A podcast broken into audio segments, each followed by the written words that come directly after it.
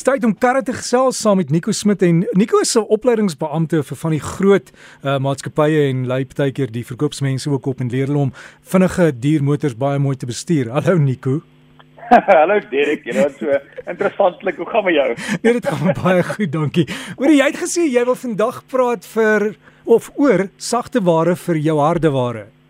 Dis reg. Weet jy wat, ehm um, aanvanklik toe ons al voertuie gekoop het, uh, het was was dit maar oor die engine en die kraglewering en jy het radio geluister en ek onthou toe die eerste keer laserskywe of CD spelers in die karre ehm um, het hulle so gehuk huk baie maal as jy oor die oor die spoedhobbel gaan dan het het het het, het dit nie so lekker gewerk nie en toe later het ons ehm um, uh, uh, 12 ehm um, in in die kattebak kon jy 6 of selfs 12 laserskywe hê en dit was die tegnologie in die kar.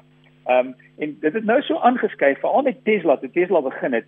Ehm um, was Tesla nie uh, eintlik uh uh uh nie motors gemaak nie, maar dit het ook gegaan oor die sagte ware.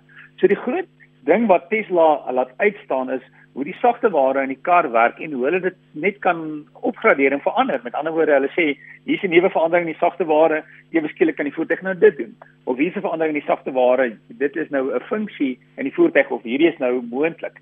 So die die fokus het ook baie geskuif in die motorbedryf. Daar's as jy kyk na uh, daar's twee maatskappye byvoorbeeld, ek weet nie veel van hulle gehoor het nie, Rivian en Lucid. En hulle maak al twee voertuie, hulle maak elektriese karre. En, en so wat gebeur is die fokus het nou baie geskuif, nie net van die meganiese gedeelte van jou kar en hoe hy werk en en die krag nie, want om eerlik te wees enige vervaardiger kan nou maak 'n kar 'n elektriese kar en hulle stil en hulle versnel baie vinnig, maar die fokus is baie meer op sagte ware soos hierdie maatskappye waarvan ons nog nooit in Suid-Afrika gehoor het nie wat baie Rivian byvoorbeeld maak 'n kom ons noem dit 'n bakkie wat ongelooflik mooi is en dis 'n elektriese voertuig. So wat nou gebeur is die karvervaardigers begin dit al hoe meer besef ook want as hulle nie hulle fokus skuif na die sagte waar gedeelte nie, kan dit wees dat oor 10 jaar het ons um uh, voertuie wat wat nie meer op die pad is, soos Nokia. Het ons almal het Nokia selfone gehad uh, langer gelede en en ewe skielik met slimfone het, het niemand meer 'n Nokia nie want Nokia het net agtergebly.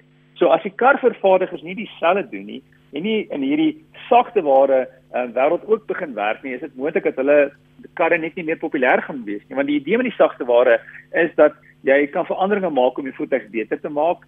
Jy kan byvoorbeeld opsies hê wat wat ewe skielik moontlik is in die voertuig. Met ander woorde, jy sê luister hierso, hierdie opsie was nie vroeër moontlik nie, maar jou kar kan nou ehm um, jou in die kom ons sê ja, um, hy kan jou nou in die in die baan in, in die baan hou en kyk na die spoed en dan die spoed aanpas volgens die spoedbordjie. Kom ons sê byvoorbeeld nou, dit was nie vroeër beskikbaar nie, ewe skielik kan dit werk.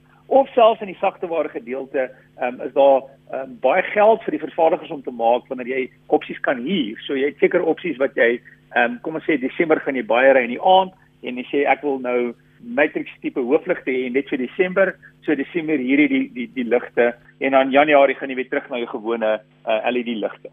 So uh, die fokus van vervaardigers um, as hulle nie skuif na ook sagte ware nie, kan dit wees dat ons oor 'n paar jaar nie meer hulle voertuie verkoop nie want ons soek ons die wêreld is baie meer honger na sagte ware. Dan die ander ding um, net vinnig uh, ek het 'n vraag ook gehad oor 'n persoon se voertuig en hy het vir my gesê um, hulle ry 'n Mahindra en hy het 'n ekon ekonomie skakelaar met ander woorde 'n funksie wat jy knoppie druk om brandstof te om, om brandstof te spaar. Maar hy sê as jy daai knoppie druk dan sukkel die uh, die die voertuig baie hierdie stelsel van uh, baie krag van die voertuig en hoe werk dit nou eintlik as dit baie krag vat nou eintlik wat gebeur is dit vat nie baie krag nie dit is eintlik andersom hoe 'n kar werk is dit werk met lug en brandstof wat gemeng word. Met ander woorde, ons het 'n sekere hoeveelheid um, 14.7 deeltjies lug en een deeltjie brandstof. Ons meng dit saam en ons gee dit 'n vlammetjie en dit ontbrand en dit gee my die krag in die voertuig. So, kom ons sê jou kar het 'n sekere hoeveelheid krag. Kom ons sê dis 100 kW. Wat baie voertuie nou doen met hulle uh, baie maal is dit 'n eco-funksie. Sodra jy daai knoppie druk, um, dan het die voertuig eintlik minder krag en minder wringkrag. So dit voel of hy die die die, die stelsel krag trek. Dit is eintlik andersom. Hy het minder krag en wringkrag, so die versnelling voel stadiger want wat ons doen is as ons minder krag het, het ons minder ontbranding van hierdie brandstof en lug. Met ander woorde, die minder krag beteken omdat hy minder lug en brandstof gebruik, het ek beter brandstof verbruik. So dis wat die eco-funksie doen in baie voertuie. Dit is asof die kar leier voel, asof hy nie wil gaan nie, maar dit is eintlik om jou brandstof te spaar. So met ander woorde, as jy haastig is, en jy's in eco-funksie, help dit nie jy probeer harder ry om die kar pap voel nie, want dan is dit presies wat die teenoorgestelde van wat die voertuig vir jou gaan gee. So as jy wil brandstof bespaar, ehm um, en jy sien die eco-funksie, dan moet jy bietjie meer ook ontspan en bietjie stadiger ry en en en stadiger versnel want dan gaan jy die beste brandstof bespaar in jou voertuig met hierdie eco-knoppie. Dankie Nico. En jy het gepraat van die selfone. Ek het nou net my ou Ericsson onthou jy hom ontdek. Ja. ja. en weet jy ek ek sal nooit vergeet nie. Um ek het 'n vriendin gehad. Ons het op 'n kol geloop. Toe val haar skoen se haak af, haar hoek skoen se haak af. Toe leen sy 'n ja. selfoon, toe slaan sy die haak terug met die selfoon. ja. Ek was ja, ek was geskok en die selfoon het niks oorgekom. Sy sê nee nee, is 'n sterk foon hierdie. Doef doef doef doef. Dankie. Ja, Daar gaan ons. Jy weet Ja, weet ja. jy wat, hulle was nogal taai daai ou um, um fone. Vandag se selfoon as hy val en weet jy jy moet 'n nuwe skerm kry so. Ja, en ek ja, nee. ek het hom vir die pret net weer aangesit en herlaai en hy werk nog steeds, Nico. Ja, dis die ding, Dirk. Um, hulle was taai daai ou selfoon. Uh, dit is regtig. Hulle kon nie baie goeders doen nie, maar eintlik wou jy maar net gebel het en dit het hulle baie goed gedoen. Ja, die hele 3 die hele 3 kg van hom.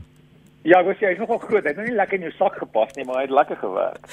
Nico, alles van die beste. Jy moet goed gaan en goeie naweek vir jou en lekker ja. karre ry, hoor. Dankie, lekker en vir jou ook. Baie dankie Nico Smit wat daar gesels oor karre en as jy van vra jy kan hom e-pos wiele by rsg.co.za en val goed waaroor ons kan praat op die radio. Stuur vir hom wiele by rsg.co.za.